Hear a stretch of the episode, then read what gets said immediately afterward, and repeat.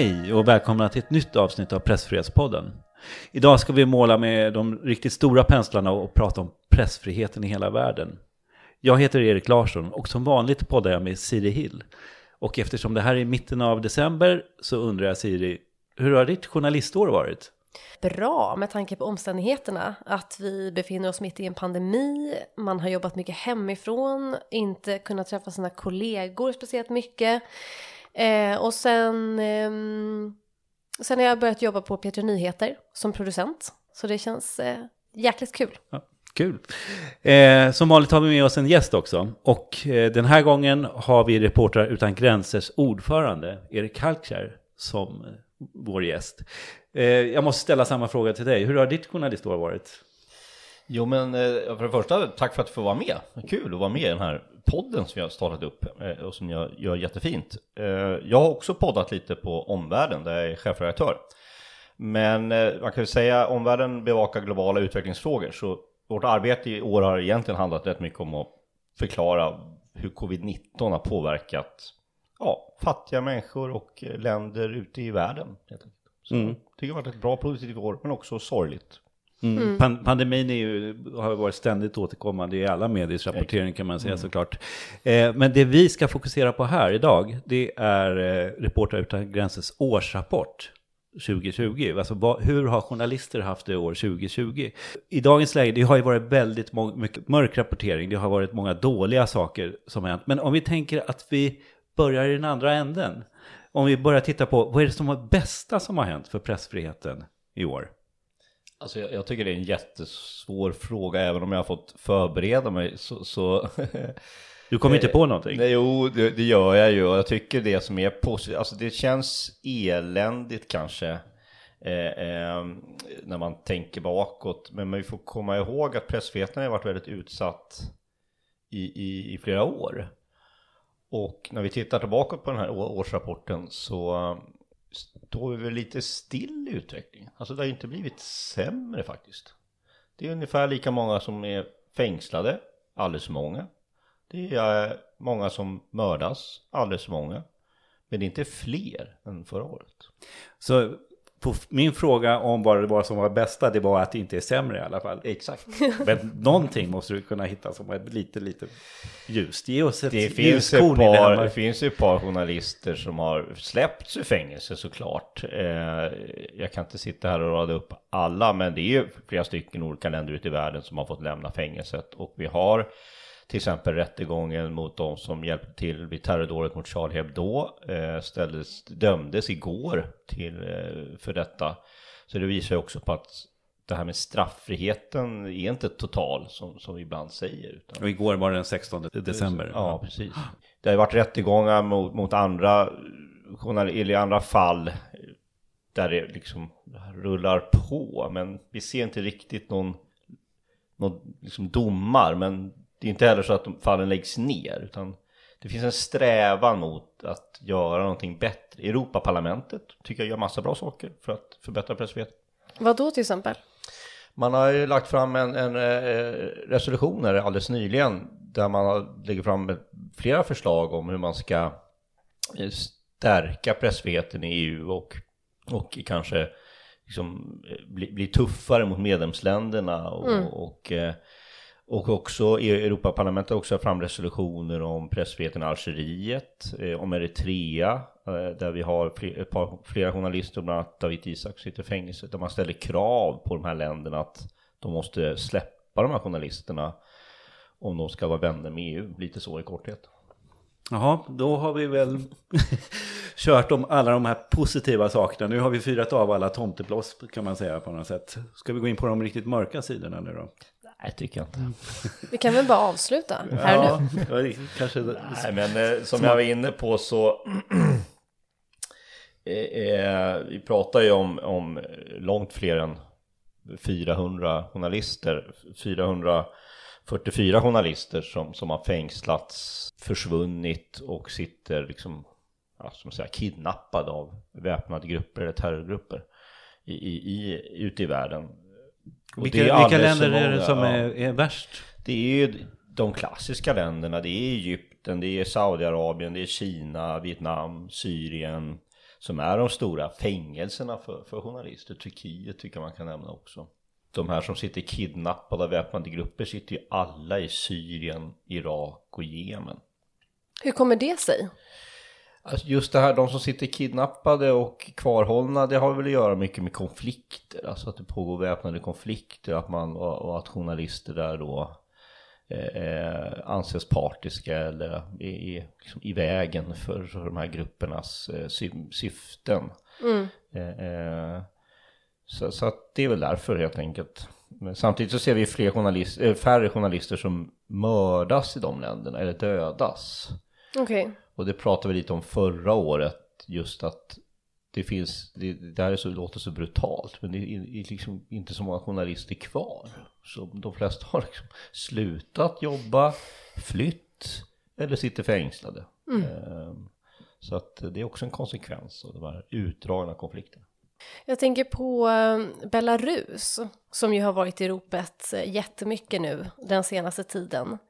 Eh, där ju konflikten verkar fortsätta och det är fortsatta demonstrationer varje vecka. Tusentals människor går ut på gatorna. Va, va, har, vad har du att säga om den situationen? Vad händer där nu? Belarus har ju varit den stora grejen här efter, sen i somras. Det har jag fått syssla med som ordförande på Reporter utan gräns, gjort många uttalanden och, och vi har på Reporter utan gräns fått hjälpa många medier att få kontakt med journalister inne i Belarus för att det är så stängt. Mm. man kan inte ens som utlands utrikeskorre komma in i landet. Vi räknar ju på Reporter utan gränser till 367 journalister som har gripits och fängslats sedan 9 augusti fram till sista november. Sen har ju de, de flesta har släppts. Mm. Eh, det är bara, senast vi kollade var det åtta som satt kvar i fängelse. Men det är ändå en, liksom en hårresande siffra. Vi, vi pratar om, om vad är det, tre och en halv månad har, har man liksom massgripit journalister och hindrat dem i sitt arbete. De som fortfarande bedriver någon form av oberoende journalistik, de är ju gömda eller, eller utomlands. Eh, det är ju till och med en risk för en journalist i Belarus att bli uppringd av till exempel Ekot i Sverige eller SVT eller Dagens Nyheter och ringa upp och få en kommentar. Mm. Man vet ju aldrig vad som händer när säkerhetstjänsten hör att ja, men, nu har ju du uttalat dig. Och det ser ju tyvärr inte ut som att det kommer att bli bättre den närmsta tiden men man får väl då vända på det och säga att det är helt fantastiskt att det pågår de här demonstrationerna dag ut och dag in och att det fortfarande är journalister som rapporterar. Mm. Det är ju helt otroligt får man ju säga om man jämför med många andra länder kanske där, där det inte är... Jag pratade precis med en eh, journalist i Belarus som heter Stanislav Kursnov. Och eh, jag frågade honom precis om det här, om han verkligen ville vara med i, gå ut med sitt namn och berätta om hans upplevelser. Eh, och då sa han så här att eh, jag vill absolut gå ut med mitt namn för att just nu så är det här offentligheten, det är det enda skydd jag har. Jag kan inte vända mig till domstolen i det här landet. Det finns ingen som kan skydda mig. Det enda som kan skydda mig det är offentligheten. Vad intressant. Mm. Ja, det är jätteintressant. Mm. Och han bor alltså i en liten stad, som, eller i en stad som heter Brest, som ligger nära den polska gränsen. Och eh, han rapporterar för den oberoende nyhetssajten Tutby, som eh, han har rapporterat för i flera år sen han började rapportera om vad efter valet här i augusti så har han gripits tre gånger av polis och han har även misshandlats. Och jag tänkte att vi skulle lyssna lite grann på vad han har, han har att säga om villkoren för journalister och vad han har råkat ut för. They just uh, put our uh, hands behind our backs and escorted us uh, to the police vehicle and they put us in front of the police vehicle, uh, me person that they put in, uh, in front of the police vehicle uh, and, uh, you know, beat me up uh, on the hips with a rubber baton. Then they throw, threw me into the police vehicle and my colleague as well. And there were uh, six other guys in there already who were detained. They transported us to the police station. And there, uh, they stopped uh, the police station on the territory of the police station. They stopped in front of the garage uh, and they were uh, taking uh, all everyone who was detained and stayed in that vehicle one by one to the garage, and we heard like uh, shouts and noises as if someone was beaten in that garage. And uh, I was uh, the seventh to to leave that police vehicle, so they asked me to, to go outside. I went outside. They said that I should look, you know, on the floor, not to raise my eyes to to, to see their faces. Uh, they said they asked me who I was. I said that I'm a journalist. I uh, told them that I have IDs and everything. Um, and then they just record everything I said uh, and asked me to to stand in front of the uh, of the wall in the garage, and again they uh, they kicked me a couple of times uh, on my back and my hips with rubber buttons, and then they told uh, me to uh, stay on my knees. Ja, det här var alltså Stanis, Stanislav Kurtsov som berättade vad han råkade ut för här i augusti. Och han berättade också för mig då att eh, de har, journalisterna i Belarus, de har tagit av sig pressvästarna nu. De jobbar numera utan pressvästar. Eftersom de märker att polisen inriktar sig på journalister, speciellt fotojournalister. Mm. Eftersom man är väldigt rädd för att det ska spridas bilder på just folksamlingar som samlas.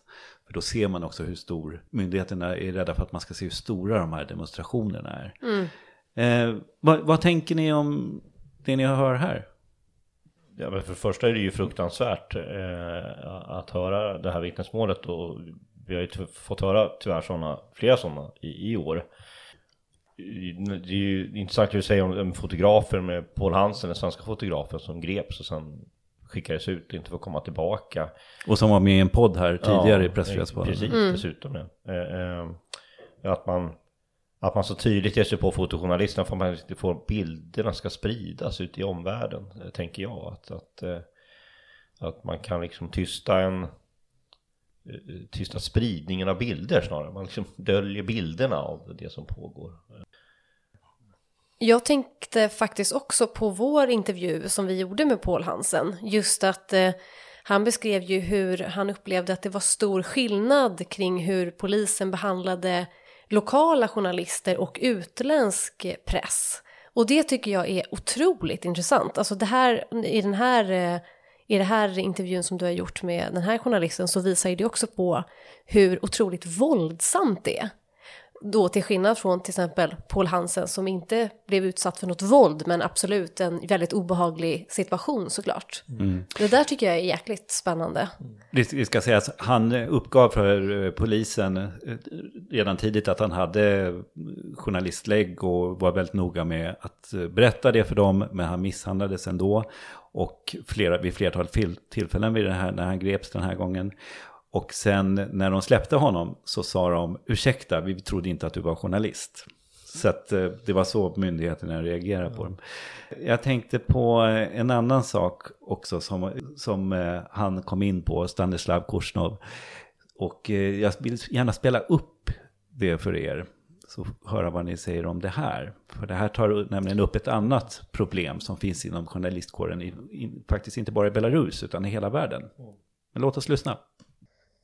So, so the, the, the most challenging part is that for four months, um, we realized that uh, police officers uh, they tried to cook up some uh, criminal cases, criminal investigations against us uh, on phony accusations, uh, and they tend to um, come with search warrants uh, early in the morning. So if you wake up uh, in the morning and there is no police officer standing uh, around your bed, it's not such a bad day. Everything is gonna be fine.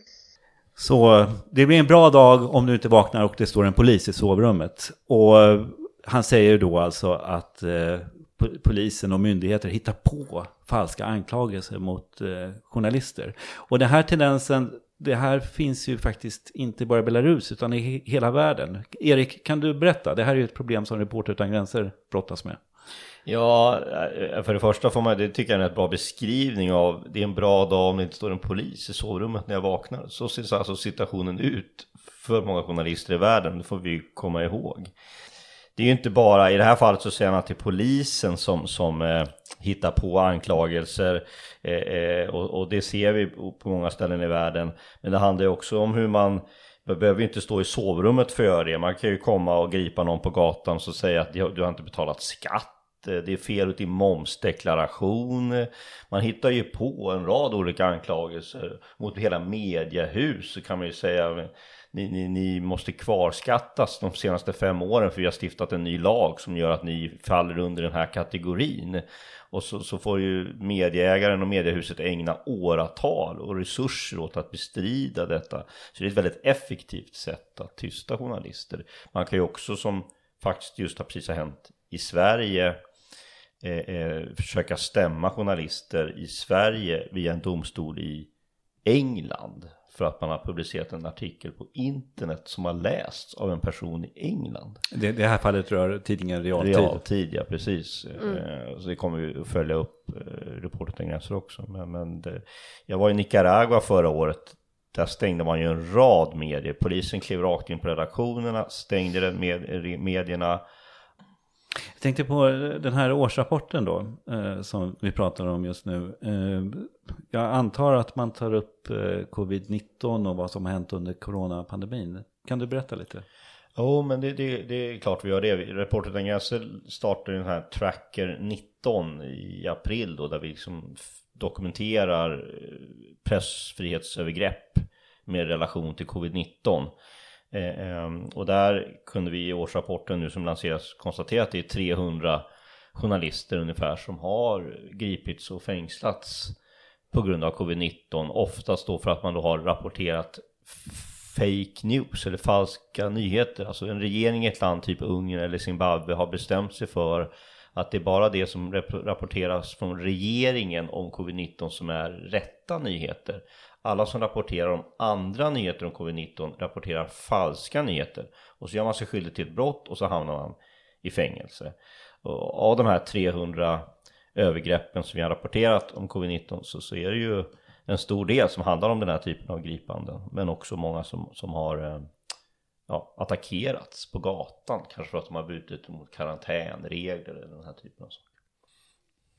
Och jag tänker de här journalisterna som fängslas i samband med pandemin, är det, tänker du att det är personer som regeringen eller myndigheter har haft koll på sedan innan och nu liksom finner ja, ett sätt att motivera ett fängslande av den journalisten? Eller vad tänker du? Jo, vad är det för... De, de där 300 som jag har registrerat är ju i princip alla direkt relaterade till att man har, flera av dem är inte kanske av regeringen eller staten som säga övervakade journalister. Men Okej. några är ju det, absolut. Att det är Hopwell Chinook heter han var i Zimbabwe är ju, är ju den typen av journalist som har jobbat, har varit en nagel i ögat flera år. Och så, så rapporterar han om, om hälso, om hälsodepartementet jobbar med covid-19, pang så åkte han i fängelse. Eh, Men vi har ju fall som i Algeriet med vår egen korrespondent Khaled Drareni som fängslades i september. Eh, han fängslades ju innan pandemin kanske tog fart men sen så ändrade man lagen medan han satt i häkte och så dömdes han för en lag som stiftades på grund av pandemin för att han spred så att säga falsk information som kunde leda till folkligt uppror. Och det var ju för att han, då han hade ögonen på sig sedan tidigare. Det hade inte så mycket att göra med kanske att, att, att eh, han liksom var ute och granskade regeringens covid-19 politik. Ehm, jag tänker om vi ska göra en utblick till olika kontinenter så är det ju så att Latinamerika är en ganska farlig plats för journalister att jobba i. Ehm, och du Erik, du har ju varit där mycket och jobbat därifrån. Ehm, vad är det som händer där? Kan du berätta? Alltså Latinamerika är ju hårt drabbat av covid-19. Det är väl, det är väl en av de, är det den som har mest, eller är det ja, som har mest fall av covid-19. Men när man tittar på journalister i vår rapportering så sticker de inte alls ut när det gäller just fängslande och gripande. Men det som de däremot sticker ut för är ju antal dödade journalister. Och det gjorde man redan förra året då, då, man, då Latinamerika hamnade liksom i, i, i jämnt med Mellanöstern. I Mellanöstern pågår det flera konflikter. Mm. Så man, nu- det är ju aldrig bra att journalister dödas. Man kan ju tänka, okej det är krig, journalister hamnar i skottlinjen. Men i Latinamerika pågår det inte längre några krig. Vad handlar det om då? Det handlar ju mycket om, om visst det pågår en väpnad konflikt fortfarande i Colombia men i stort sett så, så har ju den konflikten tagit slut. Utan det handlar ju mer om organiserad brottslighet och korruption. Eh, Och en demokratifråga tror jag. Så att Latinamerika har blivit, har stärkt demokratin under många år. Journalisterna har fått mer utrymme att jobba. Och så börjar man granska korruption. Och då plötsligt så kliver man rakt in i näringslivets styrelserum och hittar kopplingar till kartellerna och organiserad brottslighet. Och då tycker makthavarna plötsligt att det här var ju inte alls så roligt längre. Eh, eh och nu ser vi hur demokratin i Latinamerika försämras. Det har ju stickit ut några index i år att Latinamerika är den region där också demokratin försämras mest. Så det hänger ju ihop. Eh, så att, att Latinamerika nu har flest dödade reportrar i världen är ju, får man säga, rätt häpnadsväckande tycker jag. När vi pratar om en region där det inte egentligen pågår någon något krig, något krig. Vilka länder är det som sticker ut då? Det är Mexiko som, som, som sticker ut och eh, hittills i år har vi räknat till åtta dödade journalister i Mexiko. Förra året var det tio totalt som ses under liksom det här de senaste 20 åren så pratar vi fler än 100, 100, 120 kanske. Det här med dödsstatistik är jätteintressant. Ja. Jag, jag, tänkte att vi skulle prata lite grann om det sen för att eh, Reporter utan gränser har en statistik och sen finns det andra medieorganisationer som har lite en annan statistik och det brukar vara lite problematiskt med det där. Men eh, Mexiko, det är precis som du säger, det är ett extremt farligt land att jobba som journalist i. Och jag pratade faktiskt precis med eh, en svenska, den svenska journalisten Åsa Welander och hon har bott i Mexico City i sju år och rapporterat därifrån från, för olika medier. Och jag tänkte att vi skulle lyssna lite grann på vad hon har att säga om pressfriheten i landet. 2020 har varit det dödligaste året för journalister i Mexiko på tio år, enligt vissa beräkningar i alla fall, vilket ju i sig säger ganska mycket om utvecklingen här, som också hänger ihop med den generella våldsutvecklingen. De senaste tre åren har Mexiko varje år slagit sitt eget rekord över det totala antalet mord i landet. Förra året mördades över 34 000 människor här och även om många i början av pandemin hoppades att nedstängningar av samhället skulle minska våldet, så har även 2020 inneburit höga mordsiffror totalt sett. Och det handlar i stor grad om maktkamper mellan knarkkarteller. Men det som gör Mexiko så farligt för bland annat journalister är inte bara kartellerna i sig, utan att de så ofta samarbetar med politiker, polis, militär. Korruptionen är så enormt utbredd och går ofta högt upp i hierarkierna. Så när en journalist börjar undersöka de här kopplingarna finns det både stort intresse och en väldigt stor makt att helt enkelt göra sig av med den här personen. Vilket också är en viktig anledning till den enormt utbredda strafffriheten som i sin tur gör det mindre riskfyllt att mörda. De allra flesta mord på journalister leder aldrig till att någon ansvarig fälls för brottet för det finns för många som är intresserade av att sanningen inte ska komma fram helt enkelt. Det här är ju tyvärr ingenting nytt, men samtidigt som kartellerna har använt pandemin till att flytta fram sina positioner så har också morden på journalister ökat.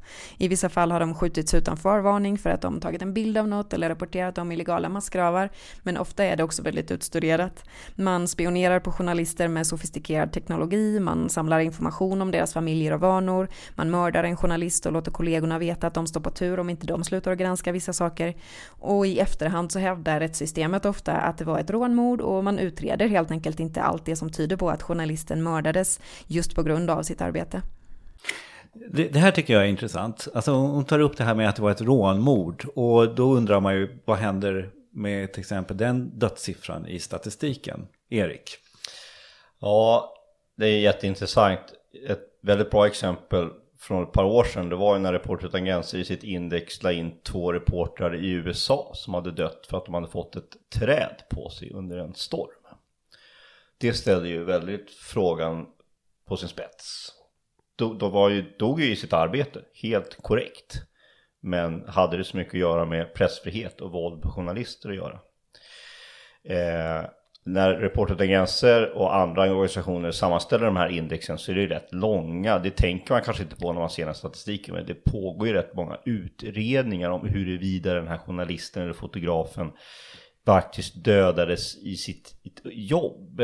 Jag vet att förra året när vi fick den här listan då stod det liksom i marginalen på rapporten att vi har tio outredda fall i Latinamerika. Så vi hade liksom tio mördade journalister i Latinamerika men vi hade också tio dödade journalister som fortfarande liksom var under utredning huruvida de hade dött i tjänsten. Jag skulle gärna vilja, om, vi kunde nämna lite grann vilka andra organisationer där. Alltså Reportrar utan gränser, vi jobbar ju väldigt mycket för egentligen arbetsmiljön för journalister. Och sen så, det gör ju även fackförbund. Det finns ju ett eh, globalt eh, journalistfack så att säga, IFJ som det förkortas då. Mm. Eh, du har ju lite koll på vad de ägnar sig åt. Vad, vad, vad sysslar de med? Alltså, vi, vi, vi, har ju flera organisationer. Vilka, så det är, förutom Reporter utan gränser så har vi Committee for Protection for Journalists som är en amerikansk organisation som påminner väldigt mycket om Reporter utan gränser. De har också en sån här årsstatistik. Vi har Unesco, alltså FNs organ för, för kultur, ekonomi och, och utbildning som också har en sammanställning. Och så eh, Internationella Journalistfederationen då eh, som har sin sammanställning. IFJ då och Unesco skiljer sig väl en del från RSF och, och CPJ just för att vi jobbar väldigt mycket just med bara pressfriheten och hoten mot pressfriheten. Medan alltså IFJ jobbar ju kanske mer med arbetsmiljöfrågor, rätten till facklig organisering eh, och så. Och Unesco handlar ju i stora liksom väldigt breda penslar ur ett FN-perspektiv. Och alla kommer med sina rapporter om vad som hänt och alla räknar på lite olika sätt.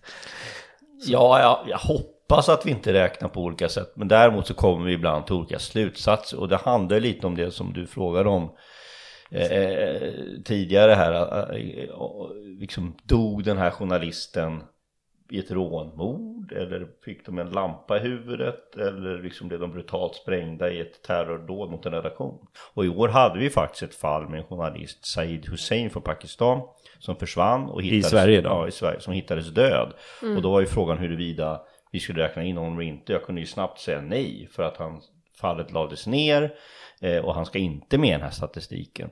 Så att jag, jag förutsätter att det, det, det, pågår någon form av ändå gedigen kontroll på plats i Paris. Men jag vill bara tillägga här att det är, här är jättesvårt. När jag var i Colombia förra året då studerade jag ju lokala journalister hur de jobbar och har det. Och då, då vår Reporter utan gränsers partnerorganisation FLIP, Fundación para Libertad de Prensa, de kan ju räkna in en lokal ursprungsfolks befolkningslokalradio som journalister. Men de jobbar mer som, skulle ur ett svenskt perspektiv, som kommunikatörer för den här mm. organisationen. Men i sitt jobb så rapporterar de ju om nyheter lokalt. Just det. En jättefin gräns. Och samtidigt så klev jag in på en radiostation i Popayan, en relativt stor regionhuvudstad, och intervjuar en journalist där. Och han är ju journalist, fullblodsjournalist, 100%, har varit i Sverige och gått på kurs i Fujo. Men han fick jag höra från andra journalister, får ju hela sin nyhetsshow betala borgmästaren. Mm. Är han då journalist eller är han reklamare? Men jag tänker, det där är ju jätteintressant, för jag tänker också, det är samma sak när man funderar över eh, alltså medborgarjournalister, alltså som är mer aktivister än journalister, samtidigt som de kanske i ett krigsdrabbat land eller ett konfliktfyllt land är jätteviktiga för att sprida information eh, och väcka olika typer av frågor. Men är de då journalister eller är de aktivister? Det, jag tycker det är jättesvårt. Jag, det som jag, om ni jämför CPJs lista över fängslade journalister och RSFs lista över fängslade journalister i år ser ni att det är en stor skillnad. Inte lika stor skillnad som det är med de andra journalister. Den stora anledningen till det är att CPJ håller ju nere siffrorna för fängslade journalister i Kina väldigt mycket. Medan RSF räknar upp för att vi räknar in väldigt många bloggare. För att vi anser att bloggarna fyller ett uppdrag som en form av oberoende journalister i ett land där det inte finns oberoende journalister. Just det. Mm. Medan CPJ kanske har valt att vara mycket mer stringenta och säga nej, är man journalist eller inte? Alltså, där, där måste man liksom... Så det är svårt, det är tufft. Mm. Men jag funderar på det där, eh, hur ska man göra då på något sätt för att väcka intresset för pressfrihetsfrågor? För jag tänker att på något sätt måste det också finnas en, eh, en op opinion som driver de här frågorna för att makthavare till exempel ska ta dem i anspråk och göra någonting åt en situation. Mm. Nej, men jag tycker det ser vi ju i Sverige med, med till exempel debatten om public service. Jag, jag, jag, tycker att det finns politiker i vår riksdag som tyck, tar det här för givet på något vis. Ja, men pressfrihet är något vi har. Sverige ligger fyra i Reporter utan gränsers index det är inga problem. Vi kan pilla lite här, vi kan pilla lite där, vi ändrar i någon lag där och så fixar vi där. Och så plötsligt så ligger man på plats 22. Titta på Polen, har rasat 44 passeringar på fem år eh, i vårt index. Det går väldigt snabbt om man inte är försiktig. Så, men det är klart, det är ju en jättesvår fråga ur folkbildningssynpunkt och det tror jag vi är väldigt medvetna om på Report utan gränser Sverige att det är. Vi, vi, det är ju tufft att få ut de här frågorna. Mm. Man får ju ligga i liksom. Bland annat podda som vi gör nu. Mm. Just det. Det är ju ingen jättepositiv läsning den här årsrapporten som mm. vi pratar om. Det kan man ju inte säga. Men eh, om man tar på sig lite så här Hans Rosling-glasögon nu. Var det inte mycket sämre förr ändå? 70-talet. Ja, jag var ju knappt född då, jag på att säga. Jag var ju väldigt liten. Men, men, eh, jag växte upp, eh, och det är kanske ingen konstigt att jag är så engagerad i Latinamerika, men jag växte ju upp med den solidariteten i hemmet med Latinamerika och just de här diktaturerna och det var ju precis det som vi kanske ser mycket i Mellanöstern hände ju då i Latinamerika. Eh, och det var ju väldigt tufft att vara journalist eller aktivist. Varför växte du upp med det? Det måste du nästan säga något om. Det är mina föräldrar var engagerade i Argentina och, och, och, Chile och Uruguay. Vi hade argentinska flyktingar som bodde hemma hos oss också när jag var liten. Eh, men, men eh, det är klart. Det, det, man skulle kunna säga att det blev bättre under en lång period. Men det har blivit sämre de senaste åren.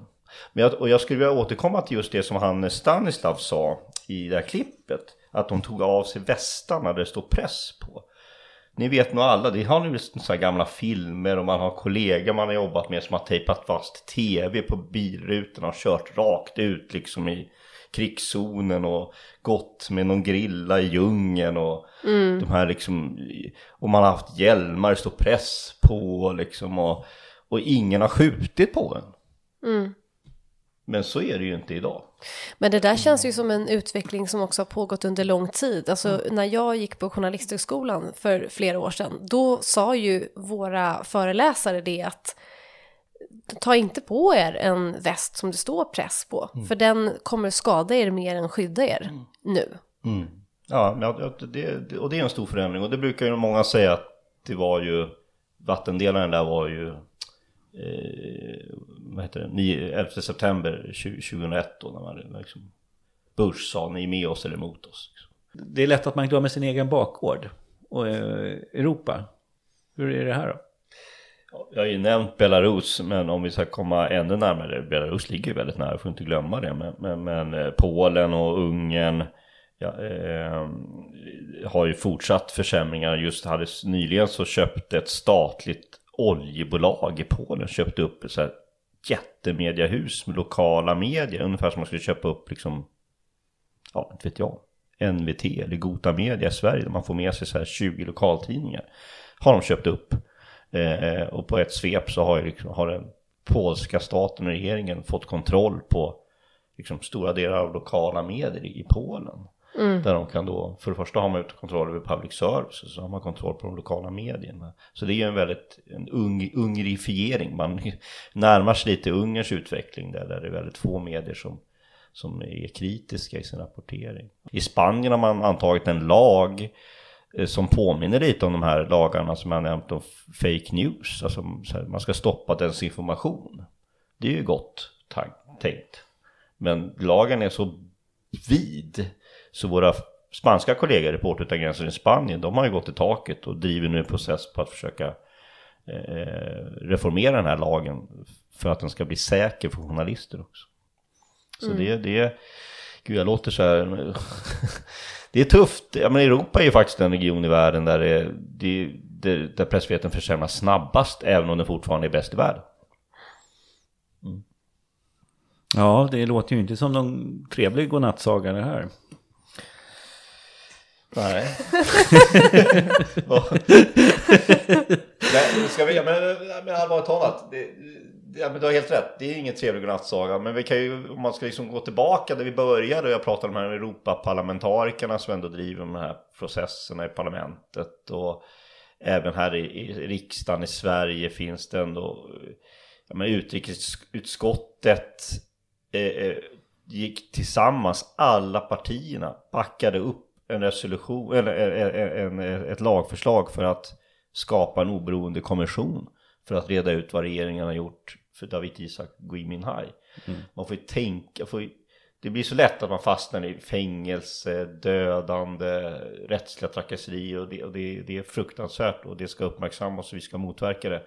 Men det pågår ju rätt mycket saker i våra liksom, parlament, mm. i korridorerna kring parlament i, i samtal mellan politiker och med politiker som är men, men, men, du Erik, mm. nä, nästa år, 2021, vad hoppas du mest på? Alltså rent konkret, vad, vad är det som ska förändra situationen för journalister i världen? Eller i alla fall skulle kunna putta det Ganska mycket i rätt riktning. Finns det något sånt konkret som du kan nämna? Ja, men jag tänkte på en grej som är, som, och, det, det, och det är så absurt, för jag vill egentligen inte hamna i den. Jag brukar föreläsa på skolor och så brukar jag alltid visa en bild på Donald Trump. Och så brukar jag alltid försvara mig med att säga, det här är inte, är inte hans fel, brukar jag säga. Jag visar den här bilden och säger, nu ska jag säga direkt, det här är inte hans fel. Så jag, men han är ett väldigt bra exempel på vad som kan gå fel. Och nu återkommer jag nog till det för att nu försvinner han. Och plötsligt så får vi en, en, en president, förhoppningsvis, han har också en del utmaningar eller pressfriheten. Men han kommer ju förmodligen inte vara lika öppet hatisk och kritisk på journalister. Och det där spelar ju jättestor roll. Hur publika offentliga personer agerar mot media och journalister. För vi som tittar och konsumerar det här, vi, oavsett om vi vill det eller inte så påverkas vi av det här. Så därför skulle jag också vilja önska att Stefan Löfven tydligare och vid upprepade tillfällen tog pressfriheten till försvar i Sverige. Svenska regeringen är rätt duktiga på att prata om situationen utomlands, men det vore bra liksom att backa hem. Nu har du pratat ganska mycket om vad du hoppas, mm. men eh, jag undrar vad du tror kommer att hända. Oj, ska jag vara realist nu också? eh, Ja, jag tror, jag tror att det kommer att fortsätta det här arbetet i Europaparlamentet framförallt. Tror jag vi kommer att se och också i EU-kommissionen. Det må låta tråkigt och kanske lite byråkratiskt trist. Men jag tror att den här liksom gnetandet i politiken kommer att, rulla på. Och jag tror att det kommer att få en del effekter på lång sikt som vi kanske inte kan sätta oss ner och säga just idag vad det blir. Eh, eh och jag hoppas, eller jag kan inte säga hoppas, jag tror ska jag säga och du menar jag allvar. Det, jag, jag vill tro att David Isak kan sitta i den här studion med er och ha en podcast innan han har suttit 20 år i fängelse i september nästa år. Mm. Det får vi Det verkligen. satsar vi på. Mm. Ja, eh, det här året har jag i alla fall lärt mig att man ska vara väldigt försiktig med prognoser om framtiden i alla fall. Eh, och ja, vi är jättetacksamma att du, Erik Halkar, kom hit, poddade med oss och berättade lite grann om den här rapporten. Det var jätteroligt och eh, vi tackar er för att ni lyssnade och eh, fortsätt lyssna, kommentera och dela Pressfrihetspodden. Och så säger jag som heter Erik Larsson, hej då. Och jag heter Siri Hill.